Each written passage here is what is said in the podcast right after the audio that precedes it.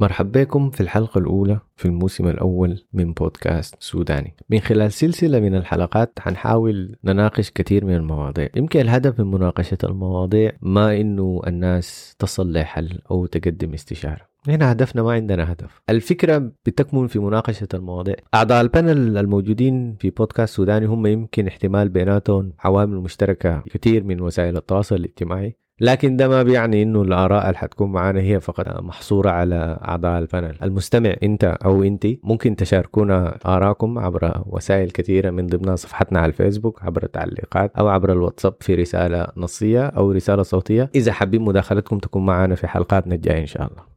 اليوم حنتكلم عن مفهوم الأصحاب ويمكن كل واحد من أعضاء البانل حيكون عنده مداخلة.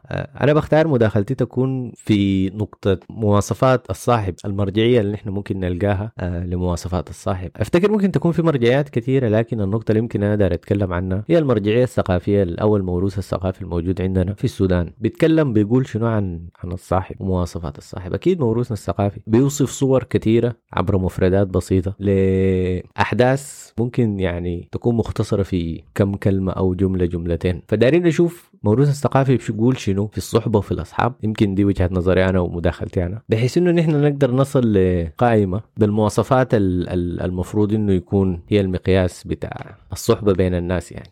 استمع للشاعر الشاب مجاهد إبراهيم في قصيدة الصاحب. يمكن هو حاول يوصف أو يترجم فيها الموروث الثقافي بلهجة شبابية. ممكن تكون جاذبة للجيل الجديد. أو الناس اللي في عمر الشاعر. نستمع نديكم رأيكم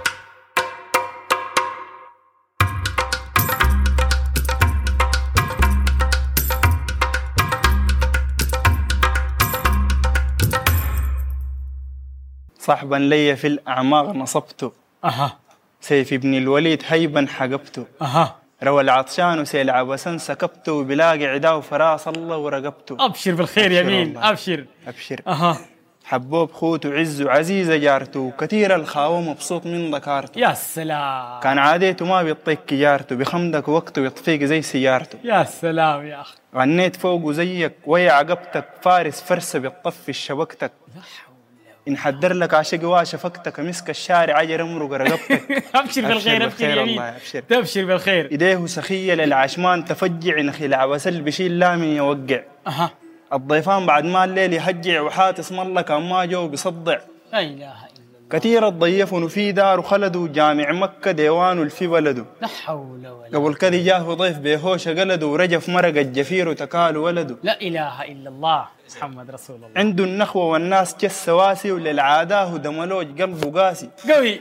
كريم وجواد ذو الحوبات راسي وهميم وصميم وصباك في القواسي. أبشر يمينا أبشر بالله أبشر أبشر. قوي. آه. طيبة مجالسه ترتاح من كلامه عفيف وبشوش زول مك من سلامه. أها. كانوا جفاف تجي في جبال امامه كريم نبيته مليون بحرامه كريم نبيته مليون بحرامه يا س...